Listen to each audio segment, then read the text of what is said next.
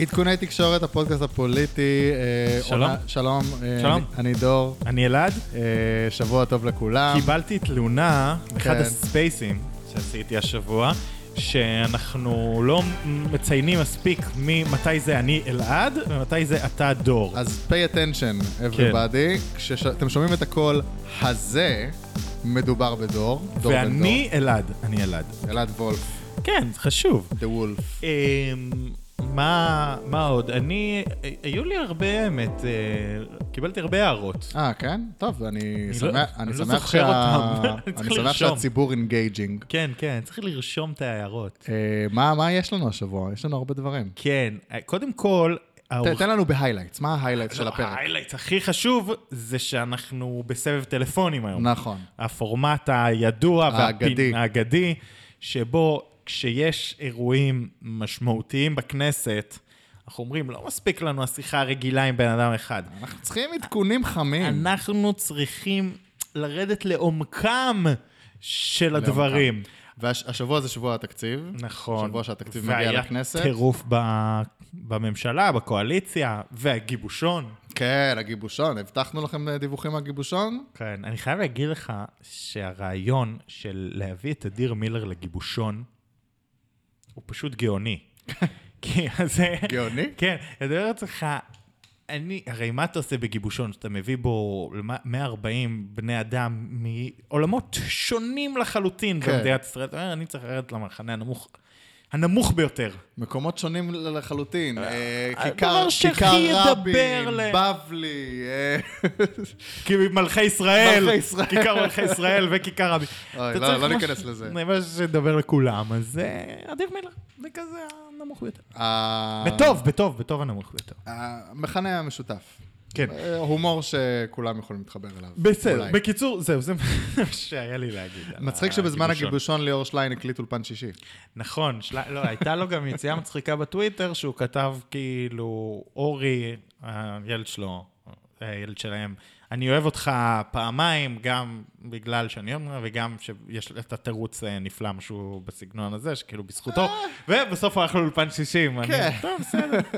אם אתה של מנ- זה יש בייביסיט. הוא לפחות הוא לא מנסה למכור שהוא מנסה להימנע מפוליטיקה. יפה. עכשיו, אז יש את זה. יש, אז אנחנו ננסה היום בסבב טלפונים. היה היה שבוע... דברים מעניינים בכנסת. היה שבוע מהומות בקואליציה, מהומות אלוהים.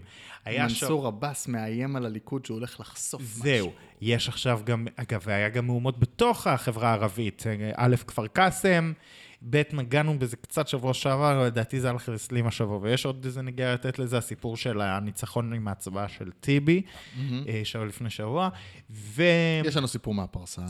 ונכון, זהו. ויש גם סיפור, היום, בגלל שכאילו האורחים הם בטלפון וכולי, לא ביקשנו מהאורח להביא סיפור אבל מהפרסה. אולי אה, בלייב נתקיל אולי נביא, נ- אולי יביאו לנו, אבל אני אתן איזה סיפור נחמד, שיהיה בו גם פינת אה, דרושים. הופה, כן. וחשוב לציין שיש לנו היום אה, את רפאל כהן מכיכר השבת, ואת מוחמד מג'אדלה מכל מקום, חדשות 12, רדיו נאס, אה, כל מקום שאתם רוצים לראות. אה, אה, גלובס, גלובס.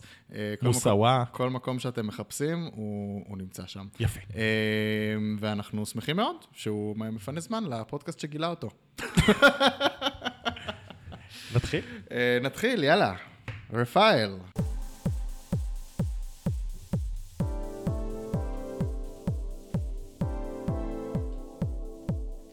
שלום, אתה בלייב. שלום וברכה. Rolling, rolling. רפאל כהן, מה שלומך? ברוך השם, מה שלומכם? בסדר גמור, שבוע טוב.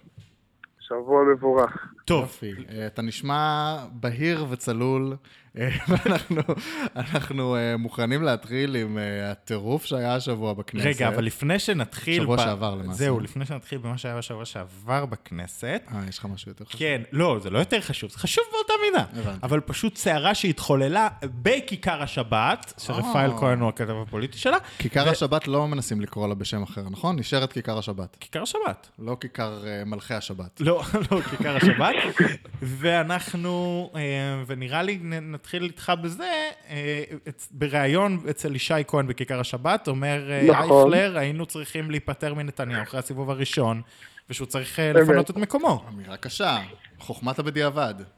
אבל מה- חוכמת הבדיעבד בהחלט, אבל... אבל השאלה אם יש בזה גם לעתיד, או שזה רק בדיעבד. אה, זו שאלה טובה. בואו נאמר ככה, ישראל אייכלר לא אמר שום דבר שאף חבר כנסת אחר ביהדות התורה, וגם לא אחרים בש"ס, לא אומרים. כולם מדברים על זה ש... בעוף. הם, בעוף, בדיוק, בשיחות אה, מסדרון, כמו שנקרא. כולם מדברים על זה שהלכו יותר מדי עם נתניהו, ויותר מדי האמינו בהבטחות שלו שלא מומשו פעם אחר פעם אחר פעם. אייכלר החליט לבוא ולפתוח את זה. עכשיו, הסיבה לכך, כמו שאני רואה אותה, וכמו ש... אה, עוד פעם, אנשים ביהדות התורה מסבירים אותה, זה שבסיעות החרדיות מנסים לעשות מקצה שיפורים אל משא ומתן להרכבת הממשלה הבאה, שיכול להיות עוד אה, שנה, יכול להיות עוד שלוש שנים, אה, לפי... אבל אין, עיניהם. אין בזה לממשלה הנוכחית איזה קריאה אולי להיכנס אחרי התקציב, או... לא, לא. הטענות שהחרדים ייכנסו לממשלת בנט-לפיד הן מופרכות, זה לא יקרה. אני חושב שגם אה, לפיד יודע את זה. זה לא יקרה, אין להם שום רצון בזה. אני אגיד יותר מזה, זו ממשלה שהיכולת שלהם לבוא ולהצליח בה היא מוגבלת מלכתחילה. ככה שאם כבר הם בחוץ בהתחלה, כבר שווה להם להישאר שם. בסדר, אה, הם רואים עכשיו איזה אה, משברים אידיאולוגיים קיימים, ואיתם זה יהיה עוד אה, צד בכלל, כי יש אה, כרגע בקואליציה ימין-שמאל, ואז אתה מכניס גם חרדים, והכל... כן, אה, אתה עושה גם חרדים חילונים, אבל מצד שני, אתה יודע, בין כל הבלגן שיש בקואליציה, המחנה המשותף היה ה- אולי היחיד שקיים, זה הסיפור, זה כאילו העובדה שאפשר לעשות אה, רפורמות יותר חילוניות, או לכל הפחות, לא חילוניות, אבל לכל הפחות לא חרדיות. אה, דווקא היחידים שכאילו קצת בשם הדת זה, זה רע"מ, אבל אתה יודע, יש להם גם את הדת, כאילו לא, בסוף לא אכפת להם מהישיבות. נכון. אז- אני חושב שהדרך דרך ההתנהלות של הח"כים החרדים אה, מאז שהושבעה ממשלת בנט-לפיד היא בעיניי אה, שגיאה טוטאלית ואי עמידה בהבטחות לבוחרים. אני חושב ש... של מי? של החרדים? כן, של ש"ס ויהדות התורה. מהמם. בסופו של דבר אתם נשלחים לכנסת כדי קודם כל, ולא משנה איך הם יתבעו את זה, קודם כל כדי לדאוג לישיבות, לאברכים, לתלמודי התורה. והם יכלו בקלי קלות, הרי ראינו מה הם עשו רק ביום האחרון. הם אפילו לא היו צריכים להיכנס לקואליציה. בשביל זה, מספיק להיכנס בדיוק. להצבעה. בדיוק. הרי ראינו ביום האחרון מה שהם עשו עם 15 מיליון שקל ל- ל- לשתי רש- רשתות חינוך מאוד מרכזיות אה, חרדיות. הם יכלו לעשות כל כך הרבה יותר אם הם היו בעלי זכות הצבעה בארבעת החודשים שקדמו לזה. והם הלכו משום מה עם המקום הזה של לעשות חרם, כי הם חשבו שזה איכשהו יערער את הלגיטימיות של הממשלה, שזה בכלל טיעון מופרך כל כך. אה, לכן לדעתי הם פגעו בשורש, ה... בשורש העבודה שלהם, במטרה אבל אה, שלשמה תרשה לי. רגע להחזיר אותך למשפט הראשון שלך. אמרת שהם גם מאוכזבים מהפרת הבטחות של נתניהו. באיזה הבטחת, אה, הפרת הבטחות מדובר? אחרי הבחירות, כאילו? לא, אני לא חושב שזה הבטחות, אני חושב שזה לא, הכוונה בכך לזה שהוא הבטיח אמר להם- שתהיה ממשלה ושיהיה בסדר, ועוד רגע הוא מביא עריקים, ו... אה, בל- למעשה... מה שאף אחד מאיתנו לא ההבטחות האמין. לאורך הש- כל השנתיים האלה של תישארו כן. בגוש שיהיה בסדר, תישארו בגוש אבל. אגב, השאלה אם יש איזה משהו בתוך יהדות התורה, שלשמו, לאייכלר, באמירה כזאת, שווה לבדל את עצמו מגפני ו... אה, וליצמן. פה אתה נכנס לדיון אה, באמת אה, שזה ארוך אנחנו פה. יפה מאוד. לאייכלר ופרוש, שני הנציגים הנוספים באגודת ישראל, יש מחלוקת כמעט שנה עם יעקב ליצמן, שהוא הנציג הנוסף, הנציג השלישי באגודת ישראל, מטעם, הוא מטעם גור, אייכלר מטעם בלז ופרוש מטעם שלומי אמוני, לגבי איך אמורה להיראות המפלגה הזאת או הסיעה הזאת אחרי כל השינויים שהחברה החרדית עברה מבחינה דמוגרפית מהמם. במהלך השנים. הם טוענים שמגיע להם הרבה יותר כוח. ליצמן אומר, לא, מה שקבעו האדמו"רים אי אז לפני בערך 60 שנה, זה עדיין קיים לגביי. כך שיוצר מצב שכבר כמעט שנה עוד פעם, שאייכלר ופרוש עובדים בשיתוף פעולה בינם לבין עצמם, מקדמים מהלכים, אה, שניהם ומותירים את ליצמן לבד במבחן אה, מול דגל התורה, מול בעצם גפני וחבריו, אה, מטעם אגודת ישראל. תגיד, מקדמים- מישהו עשה מפקד אוכלוסין כדי להכריע בוויכוח הזה, אם יש שינוי דמוגרפי או לא? אז, אז זה, זה באמת, זו סוגיה לפני הבחירות האחרונות עוררה סערה עצומה בתוך אגודת ישראל. אה, בעבר אה, ויז'ניץ הייתה חסידות יותר גדולה מבלז, אני עכשיו נכנס פה ארדקור עכברים. היא הייתה יותר גדולה אה, מחסידות בלז, ובעצם הם הלכו, שתי החסידויות הללו הלכו לבית דין צדק של רבנים ממש גדולים של חסידויות, שפסקו שצריך שיהיה ריצ'ראץ', פעם יהיו בלז ראשונים, פעם יהיו ויז'ניץ ראשונים, ועדיין לפרוש ואייכלר זה לא מספיק טוב, והם רוצים שבאמת יהיה ממש מפקד אוכלוסין, יעשו יום אחד הצבעה ויעשו את הדבר הזה. כרגע בגור לא מוכנים שזה יקרה, כי הם מפחדים להפסיד. או שאתה יודע, יעשו מפקד כמו של מפלגה ויעשו פריימריז. או פריימריז לא יהיה ביהדות התורה ב... לא? בחמישים שנה שהמועמדים יאושרו על ידי מועצת חכמי התורה, אבל שהסדר ייקבע בפריימריז. אה, זה רעיון. אבל, אבל, זה רעיון. אבל לא, בסופו של דבר המקום שלהם, אה, כל, כל חסידות רוצה את הנציג שלה בכנסת. לכן אני אומר, תחרות דמוקרטית במיטבה. כן, מצאת איפה. טוב, אז מה... רגע, אבל... זה באופוזיציה. איך כל זה משפיע אבל על הוויכוח שלהם עם נתניהו? פה, פה אנחנו חוזרים לנקודה שהחרדים אה, באמת לא, לא מבינים איך קרה מצב שאביגדור ליברמן כל כך שולט בממשלה הזאת כשהוא על שבעה מנדטים. איך קרה מצב שנפתלי בנט... בוא, זה המהות של הממשלה הזאת. שבעה מנדטים, אוקיי, אבל, אבל, אבל, אבל אריה דרעי מסתכל רגע אחורה ואומר, וואלה, הייתי שר הפנים, החזקתי את כל הממשלה, עשיתי מה שרציתי, איפה איבדתי את הכוח הזה? לכן החרדים רוצים לחזור לנקודה של להיות לשון המאזניים. הם כן, החרדים נצבעו בצבע הרבה יותר ימני במהלך 20 השנה שחלפו, ובכלל... אה, אז למה לא להיכנס? למה פתחת ואמרת שהם לא ייכנסו? דווקא הם, הם אומרים ש... מה שהם אומרים זה, אם הם מתפלאים על הכוח של אה, ליברמן, אז הם צריכים להסיק מזה מסקנה שזה שווה להיות בממשלה של ראש ממשלה שיש לו רק שישה מנדטים, כי אז אתה מקבל יותר. לא, וגם שווה לחזור להיות לשון מאזניים. אגב, גם תראה את רע"מ. הרי רע"מ היו קלאסי לשון מאזניים. רע"מ עשו מה שהחרדים עשו. הם אמרו, אנחנו מוכנים גם עם ביבי, גם עם אלה, מי שירצה אותנו, אלה התנאים שלנו וכולי.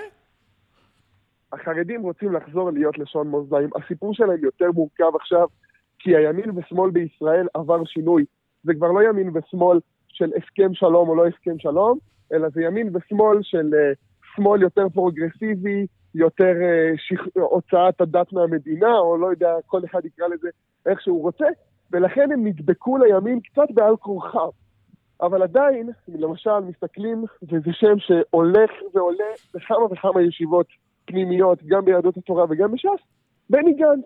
בוא ניצמד לבני גנץ, האיש שמבחינתם יחסית, אה, נאמר, אה, חילוני המחמד שלהם, זו הגדרה שאני נותן, אבל אה, מהצד השמאלי של המפה, שאנחנו יכולים להגיד, הוא יכול איכשהו לייצג אותנו יותר מיאיר לפיד, יותר מאביגדור ליברמן? אגב, אפשר לחלוק על הסיפור של הצד השמאלי, כי אני, ופה, ותראה איזה מעבר חד אנחנו גולשים לסיפור uh, של הקואליציה השבוע. כי כי בסופו של דבר, מה שגנץ עשה בשבוע, שבועיים האחרונים, העקיפה הזאת מימין, אפילו את בנט, היא, היא מהלך פוליטי. זאת אומרת, בואו שנייה ננקה, אפשר לעשות פה דיון מדיני, ביטחוני, על כן, שבוע כן שעבר נכנסנו קצת לוויכוחים פה עם כן, האורחים. כן, אבל לא, שנייה, אני אומר, לפני הוויכוח הפוליטי, האם הוא צודק או לא צודק, האם זה ארגון טרור או לא טרור, האם זה לגיטימי לבנות בשטחים כי גרים שם אנשים, או שזה מהלך פוליטי, אה, או מהלך אידיאולוגי וכולי. האם הוא עשה את זה בדרך שתיצור משבר בקואליציה, והתשובה היא כן. וזה גם לא רק זה, זה מהלך פוליטי, הרי מה קורה? גנץ מזהה בדיוק את זה, בדיוק את העובדה, מה שאתה אומר פה עכשיו עם החרדים, קורה גם בתוך, בוא נגיד ככה, הימין הרך, מה שמכנים אותו. אמ, בין אה, בנט וסער, שלא מצליחים לגבש base חדש, אבל קצת ה base הימני שלהם קצת אה, נשחק, וגנץ מזהה פה איזו הזדמנות לזה, לגדול מחדש, לזהות base חדש. והשבוע הוא פשוט הולך, אפשר להתווכח אם המהלך הפוליטי הוא חכם או לא חכם. אבל בוודאי, הוא עושה פה שורה של מערכים פוליטיים על חשבון הקולגות שלו בקואליציה, כדי להתבלט ולהשיג בדיוק את מה שאתה מדבר עליו, שהחרדים יראו בו ומצד שני, גנץ היום, גנץ היום מקדם את... חרדים כשם קוד. מצד שני, גנץ היום מקדם את פרשת הצוללות, שאף אחד לא חושב שזו פרשה שהימין מאוד מאוד תומך בה. גנץ הולך פה בשיטה שהוא מנסה להכניס את עצמו למשוואה שבנט הצליח להכניס את עצמו אליה בבחירות שעברו. אני באמצע. אני הולך לכל ממשלה, רק תנו לי להיות ראש ממשלה, או מאוד קרוב לזה. גנץ עושה A-B testing של כל מיני אה, אה, נושאים שהוא אה, מנסה להציף אותם, ו... והוא הוא בודק, אני בטוח שהוא, בודק, שהוא בדק לפני המהלכים האלה בסקרים פנימיים, איך דבר, דברים כאלה ישפיעו, כן, בוא... והוא, והוא גם בודק אחרי נס... איך זה כבר השפיע זה, בפועל. נסביר למאזינים שיש במושגים של קמפיין פוליטי, יש דבר שנקרא A-B testing. כן. מה אתה עושה? אתה משתמש, יש רשתות חברתיות, אתה כבר לא צריך לעשות מיליון קבוצות מיקוד כדי להבין את המסר שלך.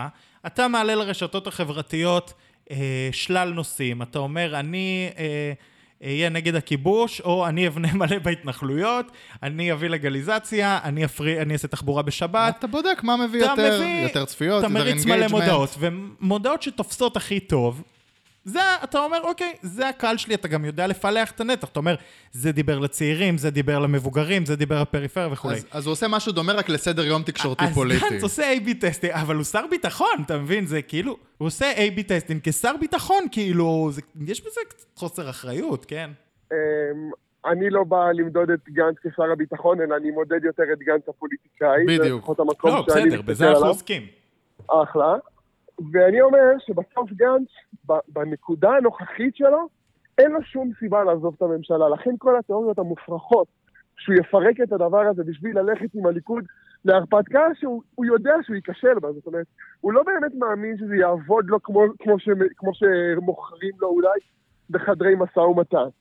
למה, למה נכון לו להישאר בממשלה הזאת? כי הוא גם עושה בה מה שהוא רוצה ואף אחד לא יכול לשלוט עליו, בסדר? וגם מצד שני, הוא איכשהו מצליח לשמור על, על uh, נעימות מול הצד השני. בעצם גנץ עכשיו, כשר ביטחון, כמישהו מאוד מאוד משפיע בממשלה, הוא גם יכול לבוא ולהגיד, הבאתי לציבור דברים, כן הבטחתי, קיימתי את מה שהבטחתי עוד בקמפיינים הבחירות של כחול לבן המאוחדת, וגם מצד שני, לא שרפתי קשרים שיכולים לעזור לי בפעם הבאה. הוא, הוא משחק טקטית. איזה קשרים הוא לא נכון. שרף? הוא לא שורף את הקשרים עם החרדים. אני יכול להגיד לך יותר מזה, שהוא באיזשהו מובן האוזן הקשבת של דרעי ושל גפני מול הממשלה, שקצת, אה, נאמר, קצת נמאס להם יותר מבנט. אגב, הם, הם מדברים הרבה יותר עם לפיד מאשר עם בנט, כמה שזה אולי מלכתחילה נשמע קצת מוזר. אה, זה דבר או אחד. או עם שליחיו. או עם שלוחיו, כן. וגם, וגם מול הליכוד, איזה גשר הוא שרף מול הליכוד? מי שפירק את, את הממשלה הקודמת זה לא, זה לא הוא, ועדת חקירה, נשמה. נכון, ועדת החקירה זה סיפור שהוא מקדם, כי בסוף הוא חייב לתת משהו לבייס הפוליטי של הרק לא ביבי שעדיין נשאר איתו.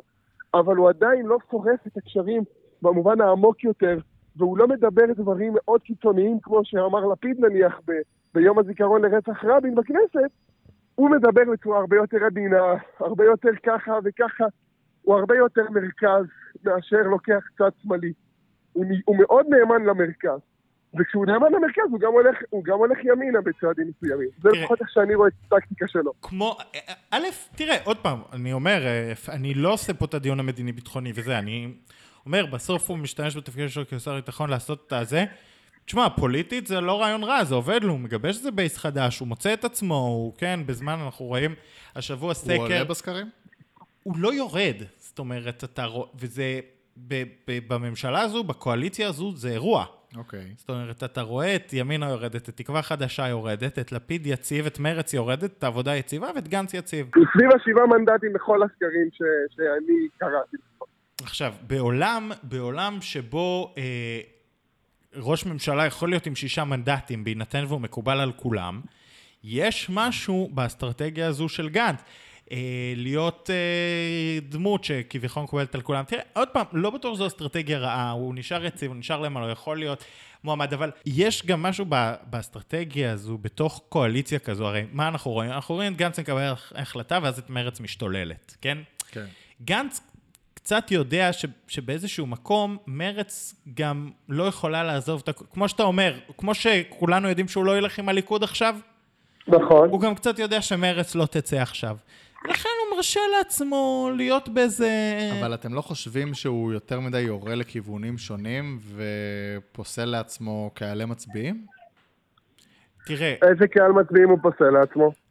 לדוגמה, נגיד את אנ- השמאל. אנשים, אנשים בשמאל שקצת יש להם יותר אה, רגישות להתנחלויות או אני חושב- לארגוני זכויות אדם. אני אני לא חושב שהוא בונה עליהם מה- מלכתחילה. על לא, מהצד. השני, אם הוא רוצה ימנים, אבל הוא עושה את הוועדת חקירה של הצוללות, וזה אנשים שיש להם עוד סימפתיה לביבי, אז גם אותם הוא לא יקבל. סתם, כל מיני דברים תראה, כאלה. בן אדם שהלך, ואני לא אומר את זה נגדו, אלא, אלא נגד במידה מסוימת התרבות הפוליטית הישראלית, כן? בן אדם ששיבץ ברשימה שלו את אה, צבי האוזר ויועז הנדל וכולי, ודיבר על זה שהוא החזיר את עזה לתקופת האבן, ושבר הכי ימינה בקמפיין שלו, ושתה את כל מפלגות השמאל. כן. וכש... ועזוב ועזוב את הקמפיין, בואו לא נחזור שנתיים. היום אה, הציבור השמאלי מאוד תומך בבנט כראש ממשלה, אז אני חושב שגנץ מבין שזה בסוף לא יהיה ביג נו נו, אז בסדר, אז הוא בנה 1,300 יחידות דיור בשטחים. כאילו, בסוף אם הוא יהיה מול ביבי או מול איזה משהו מהליכוד, אז השמאל יעדיף אותו. זו הבחנה שאני לגמרי יכול להסכים איתה. אני חושב שבאיזשהו מובן יוצא פה בחודשים האחרונים, דווקא לפיד, שאומנם, אני, אני בטוח שהתקציב יאושר בסוף השבוע, אז, אז ככה שלפיד יהיה ראש בסוף ממשלה השבוע בסופו של הזה, הם. לא- הם לא יחכו ברביעי לדדליין? לנובמבר. יאושר עד יום שישי, ואם יימשך עד ראשון אני אהיה בשוק, אבל, אבל זה יאושר גם בראשון. ברגע שהתקציב מאושר, כמו שהעוגנים שלפיד הכניס להסכם הקואליציוני, הוא יהיה ראש ממשלה, גם אם זה ראש ממשלת מעבר, אז הוא באיזשהו מובן ישיג את ההישג שלו. אבל לפיד אה, נמצא פה בסיטואציה שגנץ משחק את המשחק יותר טוב ממנו, והחיבור בין גנץ ללפיד, מי שזוכר, היה שאמרו לגנץ, לך, עם מישהו שהוא פוליטיקאי יותר טוב ממך, שידע איך לשחק את זה יותר טוב. ובא גנץ עם הרבה פחות כוח מלפיד, והוא עושה לו, הוא, הוא, הוא, הוא, הוא לוקח אותו בסיבוב באמת בקלות. כן ולא, אני אה, חייב להגיד לך, אני לא בטוח שאני מסכים עם הניתוח הזה עד הסוף. אתה צודק בנקודת הזמן הזו, אבל לפיד מבין, כמו שאתה אומר, שהוא יהיה ראש ממשלה כך או כך, אפילו אם זה בראש ממשלת מעבר לשלושה חודשים. עכשיו, נכון. תראה, יכול להיות שאני ולפיד, אם זו באמת תפיסתו, טועים, אבל תחושת הבטן שלי, ואני משער שגם שלא אומרת, שברגע שהוא אפילו ראש ממשלת מעבר, יש למ- למרכז שמאל מועמד, ראש ממשלה, לא מועמד לראשות ממשלה, אלא ראש כן. ממשלה בפועל. ללכת עכשיו ולהדיח, כאילו שנים, שנים חיכינו לרגע הזה, כן? מאז נראה לי ברק לא היה ראש ממשלה מהגוש. כן. עכשיו, אולמרט, אפשר להגיד חצי-חצי. איך, אולמרט לא מהגוש. נכון, הוא שנה לפני כן הוא היה בליכוד. גם כן. בנט הוא, בזה, אבל אני אומר מהגוש ממש, מאחת ממפלגות הגוש. אז כשבא אדם, אה, שיש, שיש לך כבר בן אדם כזה בתפקיד ראש ממשלה, אז עכשיו אתה תהיה לחפש מועמד אחר. זאת אומרת, לפיד קצת מבין שברגע שהוא יהיה ראש ממשלה, אפילו אם זה יהיה מעבר, הוא ראש החץ. ולכן אין לו את האינטרס לשחק את המשחק שיש לגנץ. אמ, אוקיי, ומה יהיה לו אחר כך? איפה הוא מוצא את עצמו אחר כך? בסיס המצביעים שלו הוא בסיס מצביעים שמחפש איזושהי אמירה, אוקיי? אז נכון, הוא ימצא את זה בתור, בתור אה, מנהיג גוש השמאל, ו, וגנץ, עוד פעם, גנץ לא חותר לנקודה. איזה. אמירה הם מחפשים הולך- בדיוק? לא, אגב, אני חייב דווקא, אני מסכים עם העניין של האמירה, ולדעתי, אגב, זו הקריסה הגדולה של לפיד, שאותה לא כל כך מזהים. אני לא מבין מה שאתם אומרים על אמירה. אני- איזה אמירה? אני אגיד לך- ממתי ללפיד יש אמירות? לפיד התחיל את הקריירה הפוליטית שלו עם אמירות על שוויון בנטל, או אמירות חילוניות, או דיבר קצת על הצורך להגיע לשלום, או דברים כאלה. ועם הזמן, לפיד... הוא עבר מחילוניות לליברליות light, כן, והוא אבל- עכשיו עידן את זה, ריכך את זה לנורמליות. לא, אפילו. זהו, זה אם- לא משהו, משהו כל כך אמורפי שאפילו אין לו... אבל יש פה דבר אמיתי, כי עם הזמן לפיד קצת הפך למפלגת איכות השלטון. זאת אומרת, הוא הזיז לצד את כל הנושאים העמוקים בחברה הישראלית, כל הנושאים האידיאולוגיים, כל הנושאים שיש בהם עומק, ונתן עומק מאוד מאוד גדול לנושאים כמו כספים קואליציוניים, כמו ממשלת 18 שרים. כן, ראינו איך זה אומרת, עבר השבוע. לא, אבל זה הסיפור, זו הקריסה הגדולה של לפיד, ולא כן. העניין בדיוק. עניין אחר. לפיד בנה סדר יום פוליטי שלחלוטין מתבסס על הרעיון של אה, לא למנות שרים אה, ללא תיק, לא לעשות ממשלות מנופחות, לא לתת כספים קואליציוניים וכולי. מה שקור, שקרה ללפיד, ברגע שהוא נאלץ לא להיות מהאופוזיציה ולהבין שאין מה לעשות, זה המשחק הפוליטי, ואפשר לדבר על נורבגי וכספים קואליציוניים, הם אפשר באמת לבטל אותם אם רוצים, אבל זה המצב היום. וברגע שהוא עושה את זה, פה הוא קצת איבד את האמירה שלו. זה יהיה הדבר שיקשה עליו לרוץ. זה מה שיזכירו נכון, לו בוא הכי נאמר. ככה, כולם דיברו בהתחלה על הפרת ההבטחות הסיטונאית של בנט, שהיא במקומה עומדת כמובן גם היום. אבל עכשיו אנחנו רואים שבסוף נותר לפיד, האיש שכל כך בא והצהיר והכריז על כמה צריך להיות אמין בפוליטיקה וכל מיני דברים כאלה, בסוף הוא נשאר בלי שום דבר. ועוד פעם, ולכאן נכנס גנץ. גנץ, בסוף, הוא יחסית חף מהבטחות מאוד בומבסטיות. הוא היה בעד... לא, הוא פשוט כבר הספק להפר את ההבטחה הכי כן. גדולה שלו. נכון, נכון. הבטיח להחליף את ביבי, לא החליף את ביבי, ועכשיו הוא בסיבוב אחר. בגן 2-0, הגנץ החדש, כן. גנץ כבר אחר. והגנץ הזה כן מצליח אה, בעיניי למצוא את עצמו. אה, אני, אני אגיד מילה לסיום, אה, שהמשוואה בעיניי, שאליה צריך לדעתי לשים לב, זה המקום של החרדים, איך הם מבססים עכשיו את הקשר שלהם עם סיעות, עם סיעות הקואליציה ולא מהצד הימני. לג' וליהדות התורה אין אינטרס לשמור על קשר טוב עם ימינה ותקווה חדשה, כי יודעים שם שגם אם וכאשר שתי המפלגות הללו תהיינה גם בכנסת ה-25, הן תהיינה קטנות והן תהיינה חלק מממשלה אחרת כלשהי. Mm-hmm. לכן שם, גם שם, הולכים ישירות לקודקודים מבחינתם, שזה גנץ ולפיד. לליברמן הם היו יכולים ללכת, אבל פשוט, הוא פשוט לא סופר אותם מדי, אז, אז הם, הם הולכים לשני הצדדים האחרים, שזה גנץ ולפיד. וכאן המשוואה הזאת מאוד דרמטית, כי בעצם החרדים באים ואומרים, אנחנו לא מחפשים עכשיו מישהו מהימין שאולי יחליף את נתניהו כי יימאס לנו ממנו, כי הוא לא יכול להביא שלטון. אנחנו מתחילים לדבר על מצב שאנחנו הולכים למה שמוגדר יותר שמאל, אבל בתנאים שלנו, במקום יותר מכבד יחסי דת ומדינה וכן הלאה. זו משוואה שחשוב לשים לב אליה. מעניין. Uh, החרדים במרכז, רוצים לחזור למרכז. זה, זה השורה נכון. התחתונה. כן, אבל זה, אתה רואה, זה משפיע על כל סדר היום של הקואליציה כולה. כן. ושל האופוזיציה. ותגיד, מה, התגבשת השבוע? מה? הוזמנת לגיבושון? התגבשתי מהבית. הבנתי. יפה, בסדר, יש לנו, מתגבשים. יש לנו הדלפות על הבדיחות של אדיר מילר? קצת, קצת. אגב, שווה, הוא פתח בפאנץ' המטורף, שזו פעם ראשונה שהוא נמצא על במה והוא מפחד יותר מהקהל מאשר שהקהל מפחד ממנו. אמ, משהו על זה שאלקין נרדם. משהו שהוא מפחד מליברמן, איזה בדיחה על אלקין והשקיות הייתה שם. כן, מה אתה אומר על הגיבושון? הוא לא, הוא לא אמר משהו על ראש ממשלה עם שישה מנדטים. לא, לא, זה אל תגזים.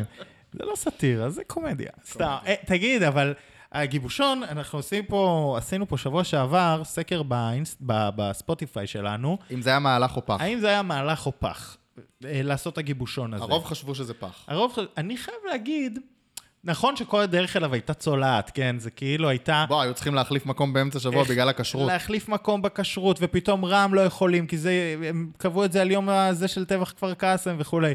ואז צייצה ידידת הפודקאסט, ידידת הפודקאסט אה, אפרת פינקל, צייצה ציוץ חמוד של כאילו ממשלה שלא יודעת לנהל יומן, איך תרצה לנהל אה, מדינה. כן. ויש, ו, ועם זאת, בכל זאת, למרות כל הפלטות שהיו בדרך, אני חושב שזה דווקא יצר משהו חביב כאילו לקהל, מה שנקרא לציבור הישראלי, להזכיר לו קצת את הקואליציה הזאת, שבה כולם בעצם נרתמו למשימה מכל קצוות הקשת הפוליטית. היה, זה קצת השיג את המטרה, לדעתי מהלך טוב. בסוף בסוף. אני לגמרי מסכים. אני חושב שבמבחן שאותו הציבו לעצמם, בנט ולפיד, הם השיגו את מה שהם רצו, וזה בסוף להראות איזושהי, אה, נאמר, אה, אחדות שעולה מעל המחלוקות.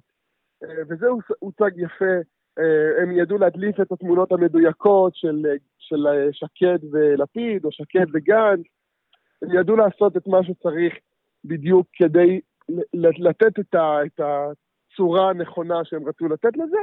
אני חושב שזה לא הייתה טעות עבורם, זה היה צעד נכון. נכון, הדרך לשם הייתה צולעת מאוד, אבל במבחן התוצאה זה היה משהו נכון שהם עשו, וכל ממשלה אחרת הייתה עושה אותו דבר אם היא הייתה מקרטעת על קרעי 61 חברי כנסת. אם נסכם... להזכיר שלמרות השוני, אנחנו עדיין נפגשים ביחד. לא, וגם יצאו משם התמונות החביבות, המחויכות, כאילו קצת הזכיר לציבור את הנרטיב המקורי של כן, הקואליציה ברגע, הזו. ברגע, שהם, אחרי כזה ברגע שבוע. שהם פוגשים אחד את השני, ממשיכים להסתכל אחד לשני בעיניים, לוחצים ידיים, נהנים ביחד, זה הרבה יותר ממה שהיה בממשלה הקודמת, שבוטלו ישיבות ממשלה. לא, אתה גם פשוט הרי- בוטלו, אנחנו שוכחים את זה שתקופה לא. הייתה ישיבות ממשלה. ברמת הנרטיב הציבורי, כן? הייתה פה, אה, היה שבוע קשה לקואליציה, והסיבה, הנרטיב המקורי שאיתו הם יצאו, התקשורתי, הזה, הייתה שהם עושים קואליציה מסוג אחר וכולי, והשבוע זה קצת השכיח את הרעיון של ממשלת השינוי, האחדות והאיחוי. ואני חושב שבמידה מסוימת התמונות שיצאו מהגיבושון הזה וכולי, השיגו את המטרה, ואם לסכם את עמדתי, הרעיון מהלך, הסיכום שלו יצא טוב, כל הדרך, פ- יש שם משהו שלא מנוהל טוב בבין לבין, כאילו, קשה, מישהו קשה. קיבל החלטה טובה, אבל כאילו... קשה לנהל שמונה סיעות. כן, זה נכון, גם את זה שוכחים, אנחנו, אתה יודע, מסתכלים על קואליציות בעולם, שלוש סיעות. שמונה סיעות שאחת מהן מורכבת מאיזה שש סיעות יחיד בערך. תחשוב. ששמונה, היה לנו פרק על הבחירות בגרמניה. בחירות בגרמניה זה אה, שש מפלגות, כל הבחירות. כל הבחירות. all in all. פה יש פה שמונה רק בקואליציה. קשה. כן. רפאל, המון המון תודה. תודה רבה לכם. נהיה. בקשר, ביי. ביי ביי. ועכשיו מצטרף אלינו מוחמד מג'אדלה, מה שלומך? אהלן, מה שלומכם? בסדר, מה, לא. תפנק אותו במעברון? long time. היה, לשים שוב? כן. יאללה. או. יפה. מוחמד מג'אדלה לראשונה בעונה 2 של הפודקאסט. יפה, ידעת, שורצתי, ידעת שעברנו לעונה 2? כן, מיתגנו אותנו בעונה שתיים. האמת שאני עוקב אחריכם כל הזמן, אז לא סתם. אנחנו יודעים, אנחנו יודעים. מה שלומך? שלומי טוב? אה, יופי, איך עבר השבוע? היה... היה שבוע מעניין בגזרתך. בגזרתך. נכון מאוד, שבוע מאוד? מעניין. או שלא נאמר במגזרך. בואו תגידו מה שאתם רוצים, אני- אני זורם איתכם. יאללה, לא, בוא, השאלה, בוא נגיד ככה, בוא, אם נחלק את הדברים, יש כפר קאסם, יש אה, מנסור עבאס נגד הליכוד, שזה מעניין מאוד. ויש את... אה, מה עוד היה פוליטי אצלכם? מה עוד לא היה? אה, תקשיב, נתחיל מכפר קאסם. יאללה, בסדר. האמת ש... אה, אה, יש לי דעה לא פופולרית כל כך על. מה שהיה השבוע. דלאפ, תן. אה, אני חושב שגם צריך לעשות בזה סדר למאזינים, כי זה לא היה ברור, אני שמעתי אנשים אומרים, רגע, פריג', אבל הוא מכפ- מכפר קאסם, על מה הוא התעצבן? על מה, למה הוא רב עם, אה, עם המשותפת? אה, זה, כאילו, לא ברור שם מי, תמך במה, מי התנגד למה. אז בואו נעשה סדר בקצרה. קודם כל אנחנו מדברים על, ה... על יום הזיכרון לטבח בכפר קאסם. אה, שבעצם אנחנו מדברים על 49 הרוגים, בית המשפט קבע, המדינה לקחה, או קבעה בעצם, או, אה, אה, שהיה שם מדובר באירוע חריג מאוד, פקודה שלא הייתה במקום, נהרגו אזרחים אה, חפים מפשע, זה, זה, זה הסיפור בגדול, כן? אבל כל, חשוב כל, מי להגיד... ש, כל מי ששירת בצבא קיבל את זה כדוגמה למתי לסרב פקודה. או, יפה. אוקיי, זה, זה הסיפור, זה האירוע. אבל עד היום, מדינת ישראל וממשלת ישראל לא לקחה אחריות באופן רשמי, או לא הכירה בעצם, אה, ולא לקחה אחריות, ולכן היה פה אה, הצעת חוק שחברי הכנסת הערבים, גם במפלגות הציוניות, גם ברשימה המשותפת, גם בחד"ש, גם בתע"ל, גם ברע"מ, כולם במשך שנים הגישו הצעת חוק להנצחת הקורבנות בעצם של, ה, אה, של הטבח, וזה כשהם, פעם לא כשהם עבר. היו כולם באופוזיציה ביחד. נכון מאוד, וזה אף פעם לא עבר. הפעם, כ- כרגיל, כמקובל, אה, עאידה תומא סלימאן מהרשימה המשותפת אה, הגישה את הצעת החוק. אה, עיסאווי פריג', יליד כפר קאסם, תושב כפר קאסם, פנה אליה כמובן וביקש לדחות את ההצעה הזאת משתי סיבות. הסיבה הראשונה, שזה לא יהיה סמוך לאירוע הזיכרון, כדי שלא יהיה פוליטי, שלא יעורר סערה וכולי. והסיבה השנייה, הוא אמר לה, אני רוצה לשכנע את הממשלה שתתמוך אה, בדבר הזה. עכשיו, במשותפת אמרו לפריג', אנחנו רוצים להאמין לך, לך תשיג אה, הבטחה כזאת מהממשלה ותחזור אלינו. ואז אנחנו נמשוך את ההצעה הזאת, נחכה, נעשה דיון, נקדם את זה ביחד אה, וכן הלאה. עיסאווי פריג' הלך לממשלה, חזר בידיים ריקות, כרגיל, אה, ובאותו יום הם עדיין התעקשו, אה, זאת אומרת, לה- להניח את הצעת החוק, וראינו את כל מה שראינו. עיסאווי פריג' רב איתם, אה, למרות אגב הוא לא חבר כנסת בכלל, זאת אומרת הוא לא כן, הוא לא היה צריך, הוא לא ח"כ. הוא בחר לבוא במיוחד לכנסת כדי לעמוד במליאה ולגונן על עמדת הממשלה להצביע נגד טבח. מהלך פוליטי משונה. צ- צריך לומר שאני לא יודע כמה זה פוליטי, אנחנו מכירים את uh, פריג' אה, כבר מספר שנים, ואנחנו יודעים שהנושא הזה של כפר קאסם הוא באמת בליבו. אה, ועל כן, באמת בד... עוד בדמו סיבה- ובנפשו, בסדר. אה, ב- בצורה הכי מילולית הכל שיש. בסדר, אבל בגלל זה אני אומר, מהלך פוליטי, לא, אני לא נכנס לאישי. אני בסוף... אין- אין- לא, אבל אין אני אומר, המהלך אין- הפוליטי שאולי לא, לא מוצלח לדעתך, הוא נובע מהאישי, זה אישי בשבילו. בסדר, אבל למה הוא היה צריך להיות הדמות לא, לא, שמזוהה אני- אני עם אני הממשלה היה נגד שם. ההצעה? אני אגיד לך, אני אגיד לך מה היה מאחורי הקלעים. עכשיו, לא רק שהוא בא ואמר ועשה את כל מה שעשה מעל אה, דוכן הכנסת, הממשלה בכלל אה, ביקשה משרת החינוך, יפעת שאשא ביטון, להגיב בשם הממשלה. זאת אומרת, היא גם לא נתנה לעיסאווי פריג' להגיב בשם הממשלה. פריג' הגיש בקשה לעלות כדובר שני אה, מטעם הממשלה ולהגיב, ואגב, אתה צריך לדעת שכדי שהדבר הזה יקרה, מי שהגיש את הצעת החוק, שזה עאידה תומא סלימאן, צריכה לאשר את זה. Mm, עכשיו, עכשיו, מה היה שם מאחורי הקלעים? פריג' פנה לטיבי ול, אה, ולעאידה תומא ואמר להם, אני אה, אעמוד מעל הדוכן ואגיד ואתחייב בשם הממשלה שאנחנו נאמץ את הצעת החוק הזאת, אבל תמשכו אותה בינתיים. אז חברי המשותפת שמחו, אמרו יאללה, בכיף, לך תעשה את זה. הוא עלה לדוכן ועשה בדיוק את ההפך ממה שהוא הבטיח. מסיבה אחת פשוטה, כי הממשלה עוד פעם אמרה לו לפני שהוא עלה לדוכן, לא יקרה. ולכן ראינו את העימות הזה.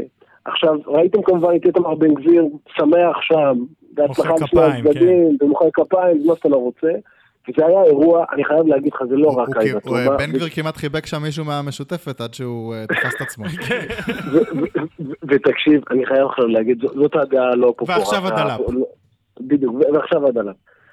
מה שהיה שם, לא רק בעניין פריג' ולא עאידה תומא, כל חברי הכנסת הערבים היו שותפים למחזה מביש, שלקחת את, ה, את, ה, את הטבח הזה, את האירוע ה- באמת הכואב, לנצל את הכאב הזה ולעשות ממנו שימוש וניצול ציני פוליטי בצורה הזאת, זה היה מביך, מביש, אה, לא היה צריך לקרות, פשוט מאוד זה היה מיותר. זה לא עושה- לא עושה התיקון- כבוד לאף אה, אזרח ערבי לא- לאף אחד, לא מכפר לרע"מ, קאסם לא או לא מכפר. קאסם. בדיוק. עכשיו, מה שעוד יותר מוזר, אתה יודע מה אפילו לא מוזר, אני אגיד שזה חיובי ומבורך, שהתיקון בא על ידי נשיא המדינה, יצחק הרצוג. הוא דווקא כן הצליח לאחד את כולם, ללכד את כולם, ולעמוד מעל הדוכן בכפר קאסם, כשכל ההנהגה המקומית והארצית והכנסת ואנשי הדת והמשפחות מגיעים לשם, ולבקש אפילו סליחה בשם, אה, בשם המדינה, וחשוב גם לציין שהוא לא, הוא לא הראשון. זאת אומרת, הוא לא הנשיא אה, הראשון שמבקש סליחה. נכון, ריבלין עשה את זה ב-2014, פרס עשה את זה ב-2007, גם קצב לפנ... לפ... לפ... לפניו עשה את זה, אבל מהבחינה הזאת, שהוא נואם בערבית, הוא מגיע, אגב, הוא גם אומר בנאום שלו, אני מבקש מכם לשים את המחלוקת בצד. ו... זאת אומרת, איפה שחברי הכנסת הערבים נכשלו מול הציבור שלהם, מול הכאב שלהם, של הציבור ששלח אותם לכנסת, בא הנשיא וכן תיקן את העוול הזה שהיה. אה, כן, אבל אני חושב ששוב, אם היה מספיק נשיא, אה, הצהרה של נשיא, זה כבר היה מספיק לפני 20 שנה, ולא היו ממשיכים להעלות את הצעת החוק הזאת, אבל כנראה שזה לא נכון. מספיק. לא, אבל אני. חייב להגיד לך שנייה עכשיו מהעמדה הפוליטית של הסיפור הזה. אני, אה, גם בשנותיי אה, כדובר במרץ ודובר מרץ, זו הוצאה שמרץ מעלה כל שנה. אני דבררתי אותה, אני זוכר את זה. אה, זה דבר שקורה כל הזמן, ואני זוכר שגם תמיד אמרנו, מה הבעיה לתמוך בזה? זאת אומרת, יש פה, כולם מכירים את זה שהיה טבח, זה טבח שלומדים עליו בצבא, כאילו, אתה יודע, במקום שהיה הכי אמור להכחיש את הדבר הזה, מכילים, מכירים בו וכולי. מה הבעיה? זאת אומרת, לא, לא ברורה לי מלכתחילה א', העקשנות של הממשלה, וב', חוסר היכולת אה, אה, לבוא ולרתום מרע"מ וממרץ ומה, ומהמשותפת אגב, לרתום את הממשלה למהלך הזה. עכשיו אתה מבקש, עכשיו אתה מבקש מהערבי להסביר את עמדת הממשלה, ואני אסביר בכל זאת. תקשיב, יש, יש כמה בעיות, יש כמה בעיות מעמדת הממשלה. קודם כל, שמדובר פה אה, בהצעת חוק להנצחה שמתייחסת גם לתוכני הלימוד, אה, לתוכני הלימוד של, אה, בבתי הספר היהודיים. נו, מה הבעיה? שיש שם מחלוקת גם על הנרטיב, זאת הבעיה הראשונה. הבעיה השנייה, שההכרה של הממשלה והעברת החוק הזה בכנסת הוא גם כולל אה, להעביר תקציבים לעמותה שהיא בעצם אחראית על ההנצחה ועל כל האירועים האלה, וגם זה מבחינתם אה, במחלוקת כי מי זאת העמותה הזאת, למה היא באמת צריכה לקבל את זה, ולמה זה לא צריך להיות מנוהל על ידי מישהו אחר וגורם רשמי וכולי. והדבר השלישי, שיש לזה גם השלכות משפטיות. אה, עד היום המשפחות של הקורבנות חושבות שלא נעשה צדק, שיש צורך בפיצוי, שהקצינים אז גם אה, לא קיבלו את העונש הראוי ודברים כאלה, ולכן הם פשוט מאוד לא רוצים לפתוח את הסיפור הזה מההתחלה. הם אומרים מה שהיה כבר היה, הנשיאים כבר נאמו, אנחנו כבר התנצלנו, בית המשפט כבר הכיר, בואו נגמור את האירוע הזה ונעבור הלאה. זאת העמדה של הממשלה, או נגיד, לא, אבל אני חושב שאם זו הבעיה, אם זו הבעיה, זה סעיפים פתירים, זאת אומרת, זה משהו שבמסגרת המשא ומתן שעיסאווי פריג' אה, שאתה מספר שהוא הציע, הוא היה יכול להביא, אני לא יודע אם הוא, הממשלה הסכימה, אבל לא נראה לי זה סיפור גדול שהממשלה תסכים על הכמה סעיפים האלה. אני חייב להגיד לך משהו, לא רק על עיסאווי פריג', אלא גם, לא רק על עיסאווי פריג', אלא גם על, כל מה שקורה במרץ. חבר'ה, בוא נדבר עכשיו בכנות, כן? אנחנו לא תמיד בכנות. לא עיסאווי פריג' ולא מרץ מצליחים לנהל את הקואליציה הזאת. אנחנו כבר ראינו, גם ההכרזה על הארגונים, אה, ארגוני זכויות אדם הפלסטינים בעצם כארגוני טרור, שום דבר לא השתנה. למרות כל הרעש הזה שמרץ עשו, הבנייה בהתנחלויות לא באמת שינתה דבר. אנחנו גם, אנחנו כבר מתחילים, כאילו מצליחים לראות שלמרץ אין לאן ללכת, היא רוצה להישאר בקואליציה הזאת, לא משנה מה יהיה. ולכן בוא, בוא נהיה עכשיו ריאליים. לא תילחם עכשיו, במרץ לא יילחמו אה, מול ראש הממשלה ומול האגף הימני ומול אה, כל שאר הממשלה כדי להעביר חוק כזה. זאת המציאות. כן, מרץ אה, היה לה שבוע קשה מבחינת... כן, לא אה, נעים. מבחינת העקרונות שלהם. אה, ואתה חושב שמה הם היו יכולים לעשות אחרת? אני, אני לא בא, אני לא בא לחלק להם ציונים. לא, טוען לא, מוחמד, לא מבחינת אה, ציונים, אלא מבחינת... אין להם מה לעשות אחרת. כל עוד הם לא רוצים לפרק את הממשלה, הם יצטרכו לנשוך שפתיים. מבחינת אסטרטגיה פוליטית זה או לפרק או ללכת הביתה, אין להם אה, מנוף להשפעה אחר? אם, אם אה, בנט, או שותפיו לקואליציה, או לא יודע מי, לא מאמינים למרץ, שמרץ ש, שיש לה איזשהו קו אדום, שמבחינתו, אם ידרסו אותו, אז מרץ תצא מהקואליציה, כל עוד הם לא מאמינים לזה, ובצדק מסוים הם לא מאמינים לזה, אז לא. למרץ אין שוט. אבל, אבל קואליציה לא עובדת רק בצורה הזאת.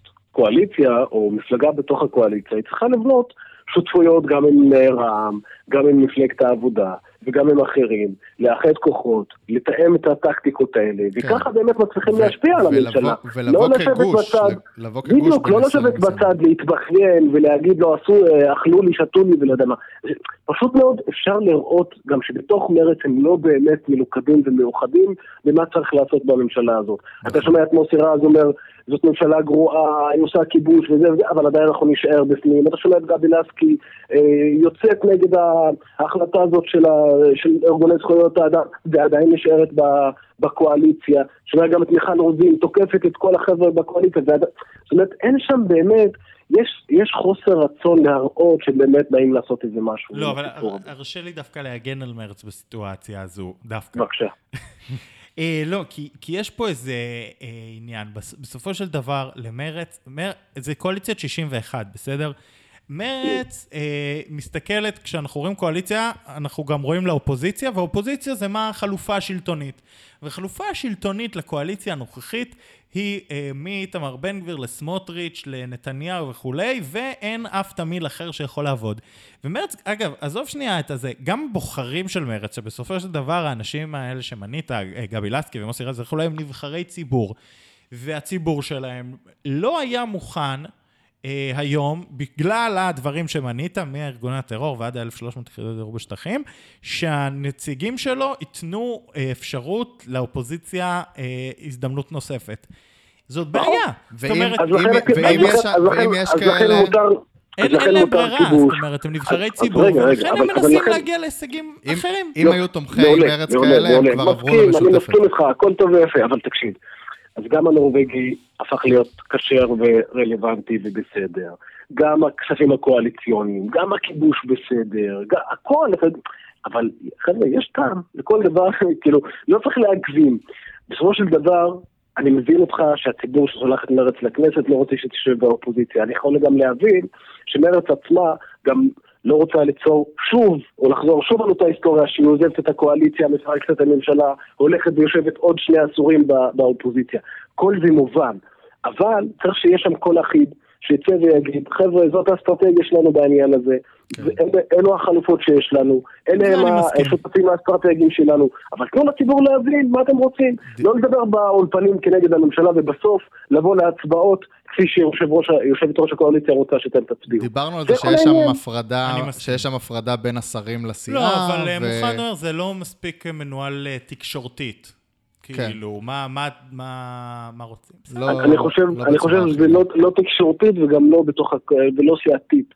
יש שם איזה משהו שהוא לא מנוהל בצורה נכונה ותקינה. זה הכל, זה הכל.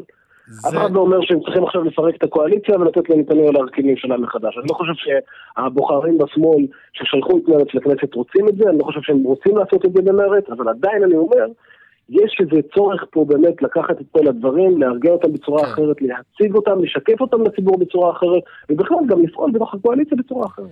זה כל הסיפור.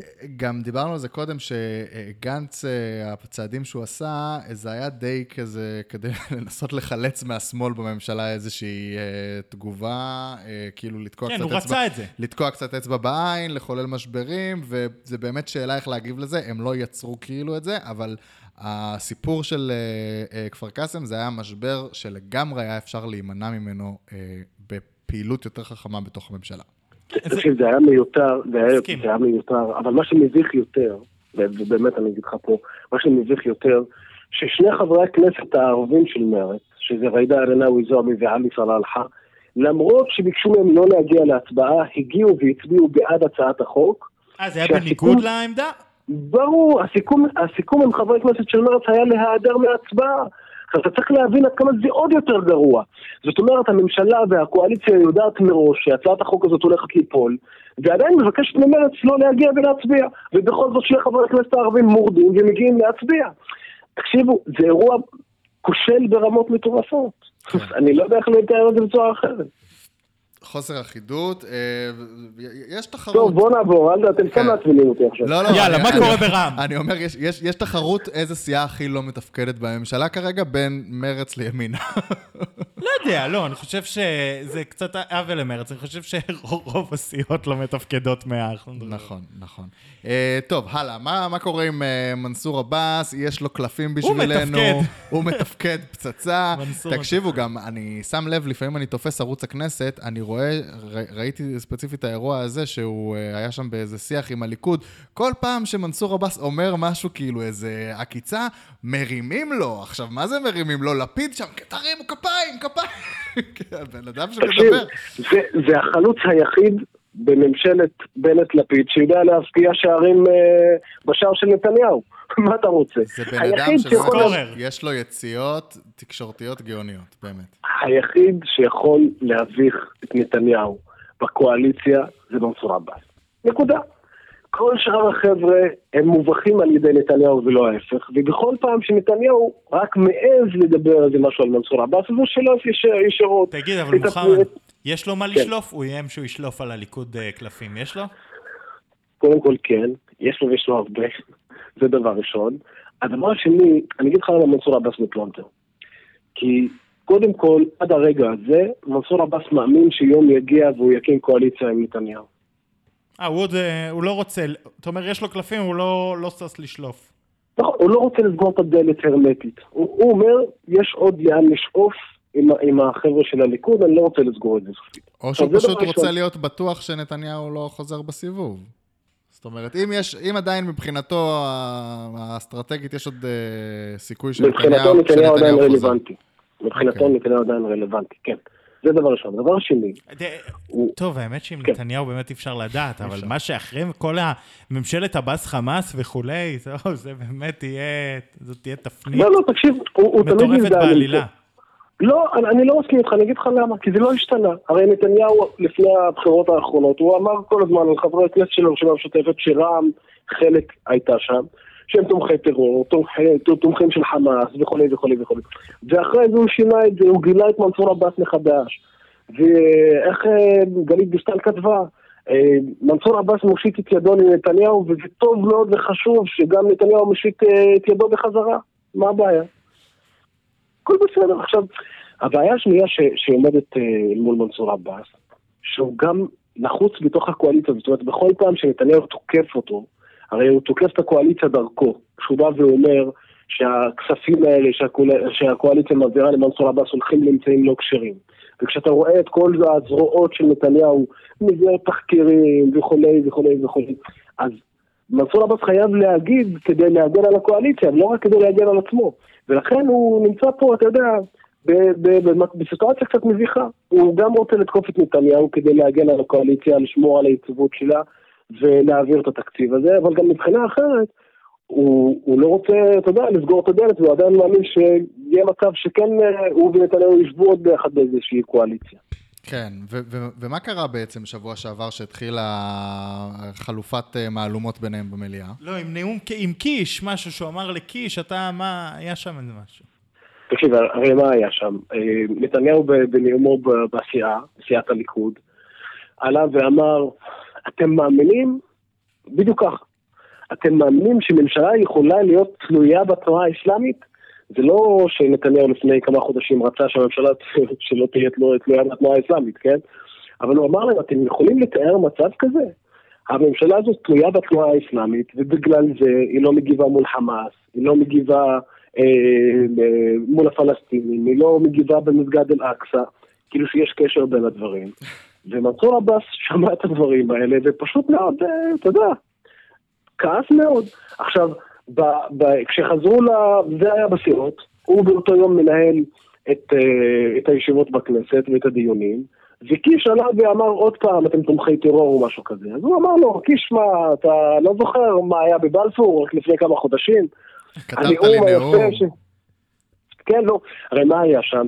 נתניהו הזמין את uh, מנסור עבאס, מנסור עבאס הגיע לבלפור, ונתניהו הכין שם איזה נאום על, ה, על שיתוף הפעולה שצריך להיות בין הליכוד לבין רע"מ, כן. אה, ועד כמה זה שיתוף פעולה מאוד חיובי, ומנסור עבאס, תקשיב, התלהב מהנאום הזה. אז הוא לחש לקיש שיושב לידו, תוך כדי שנתניהו נואם, אז הוא אמר לו, תקשיב, איזה נאום נפלא. קיש אמר לו, זה אני כתבתי.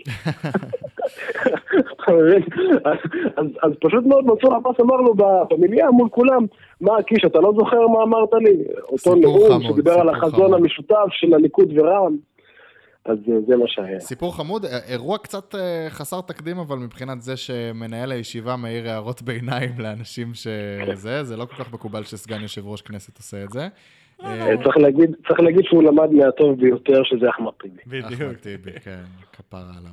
אה, לא, אחמד טיבי, אה, כשהוא מנהל ישיבות זה משעשע.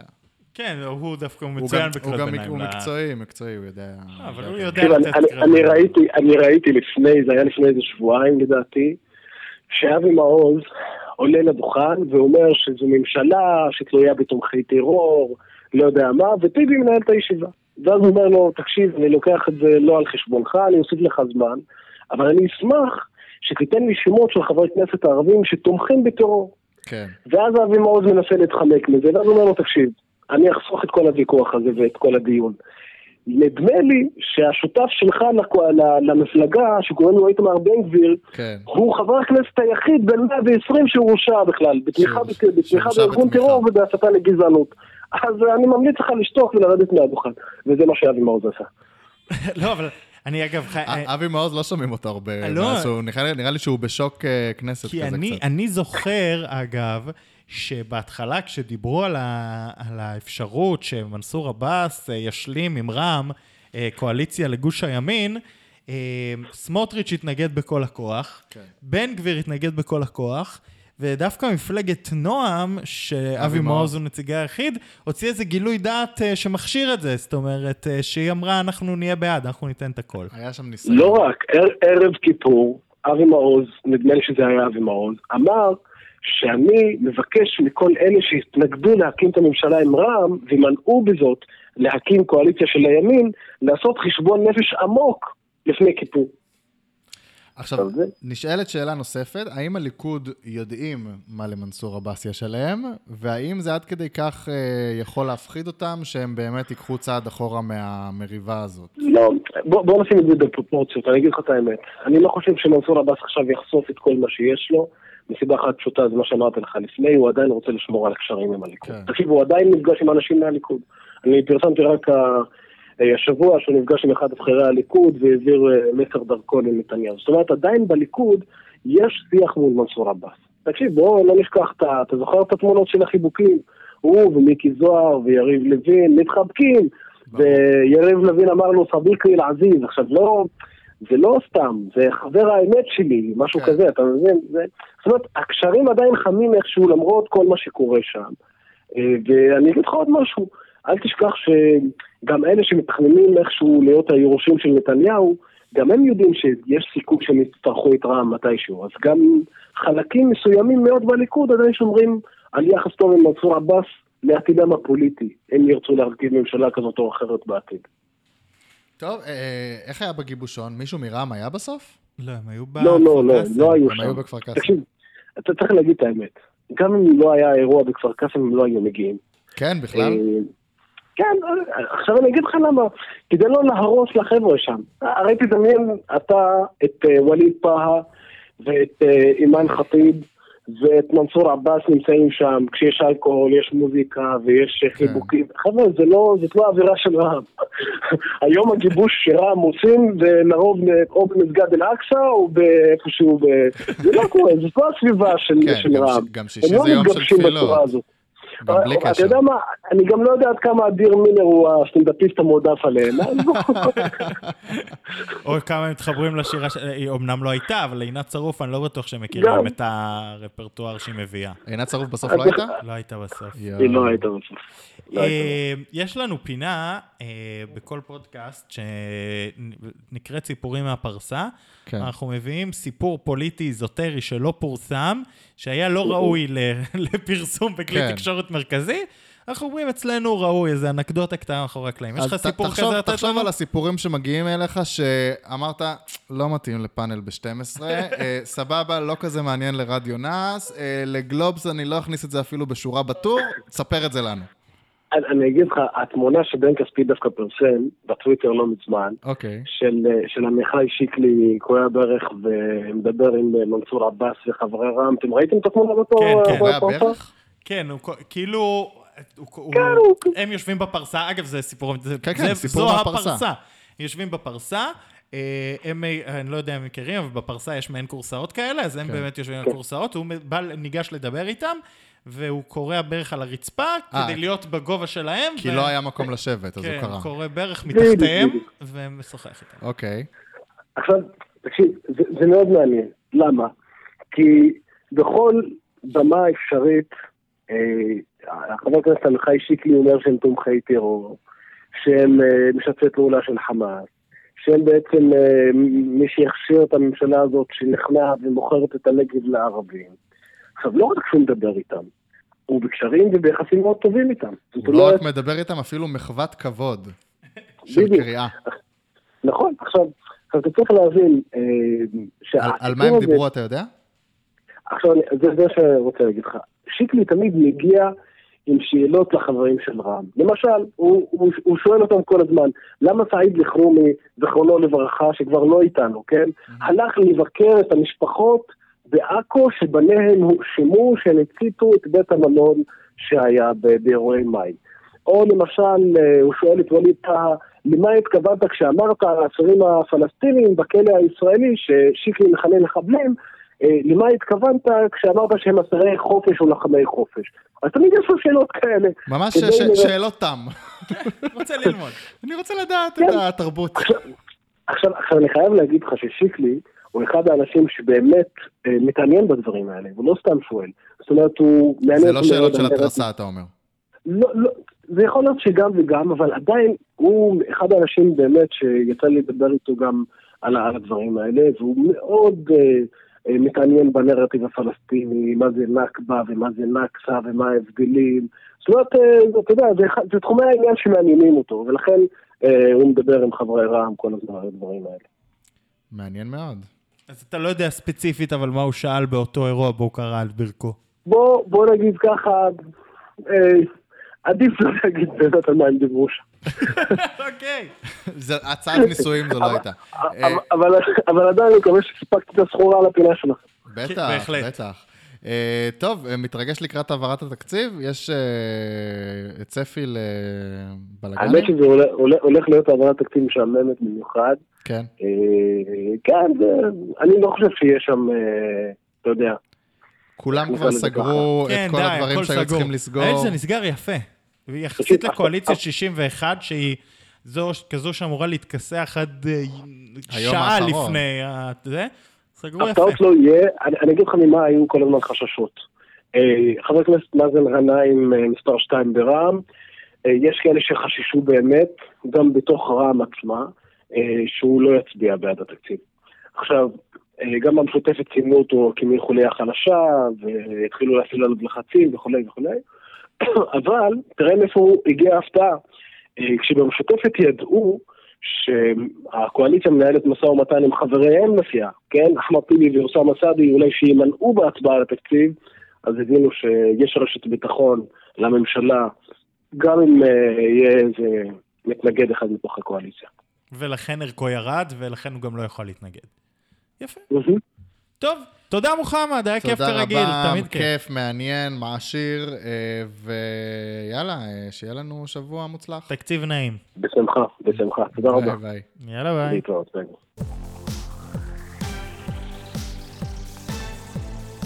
יפה. פינת דרושים מהפרסה. כן.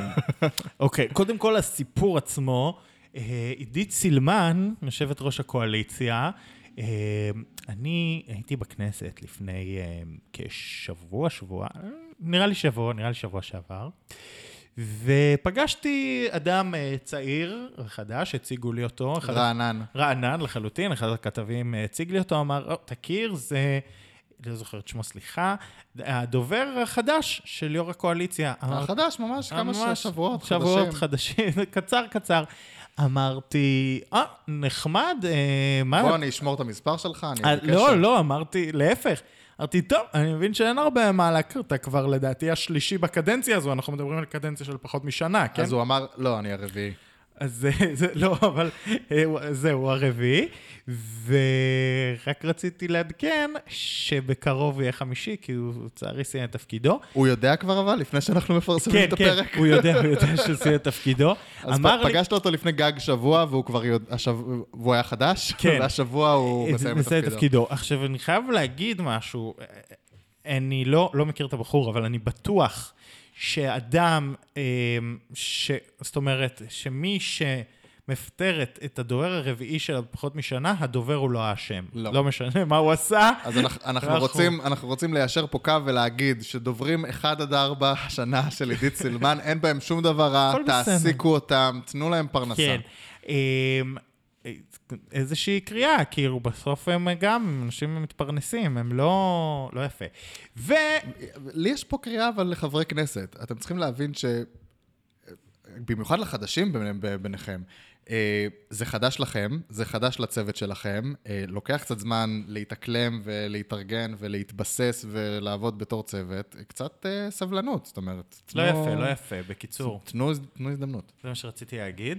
זהו, זה הסיפור שרציתי לספר, ואני מחבר אותו לפינת הדרושים. כן, עכשיו אם אה, יש ביניכם, בין מאזיני הפודקאסט, אה, דוברים, דוברים. אה, שמעוניינים במשרות, א', הבנתי שאצל עידית או- סילמן מחפשים. כן, או יועצים פוליטיים אחרים גם. נכון. אז ככה, אני יודע, אפשר לפנות אליי, אני יודע, ככה, קודם כל, שני חברי כנסת מהשמאל-מרכז, יותר שמאל מאשר מרכז, בקואליציה. בקואליציה, אה, מחפשים אה, דובר סלש דוברת, שניים שונים. שניים שונים, שני אופנינגס בשמאל, כן. ועוד אה, חבר כנסת מהקואליציה שאינו נמנה על השמאל.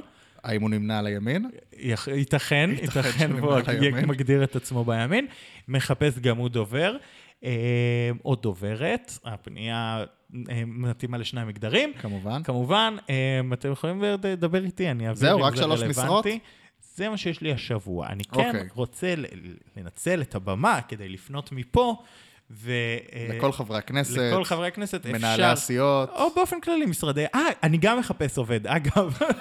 זה אם, הזמן. אם אתם אה, דוברים מוכשרים, מתעניינים בתקשורת וכולי, ורוצים, אה, לא בהכרח אגב פוליטיקה, תקשורת, בא לכם לעשות תקשורת, זה יותר חשוב מהפוליטיקה. כן. פוליטיקה תלמד, תלמדו, יהיה בסדר. תקשורת, אז אה, אפשר גם לפנות אליי. ואני בקריאה לח"כים, ליועצים וכולי, אנחנו משיקים פינת דרושים. אם אתם רוצים, גם ננקוב עם שמות. כאילו, לא אכפת לי. כן, יש לא כ- רציתי לעשות אה, אאוטינג לח"כים, אבל... יש אה, ח"כים שמפרסמים שזה, הם שלא מפרסמים, מפרסמים סיעה, כן, אז מפרסמים בכיף, זה. נסייע, משרדי יח"צ, זה כל מה שקשור לעולמות הפוליטיים ותקשורתיים, זה אנחנו נפרסם. אה, בכיף, בטובה שלנו. בכיף, אה, זהו, אה, אה, אתם... ואתה יודע איזה טעות עשיתי? מה?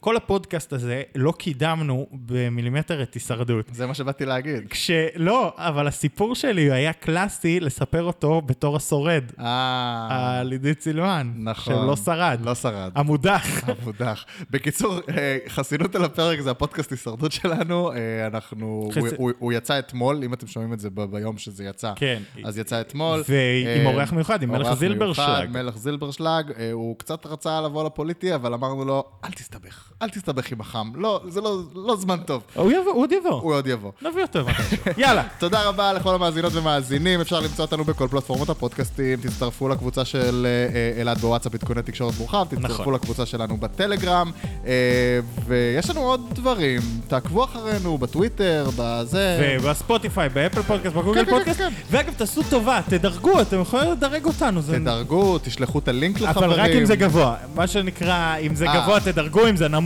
אה, אם אתם לא אוהבים, אבל לא הגעתם גם לדקה הזאת. זה גם נכון. שבוע טוב, ישיבות סיעה נעימות לכולם. להתראות. ביי ביי.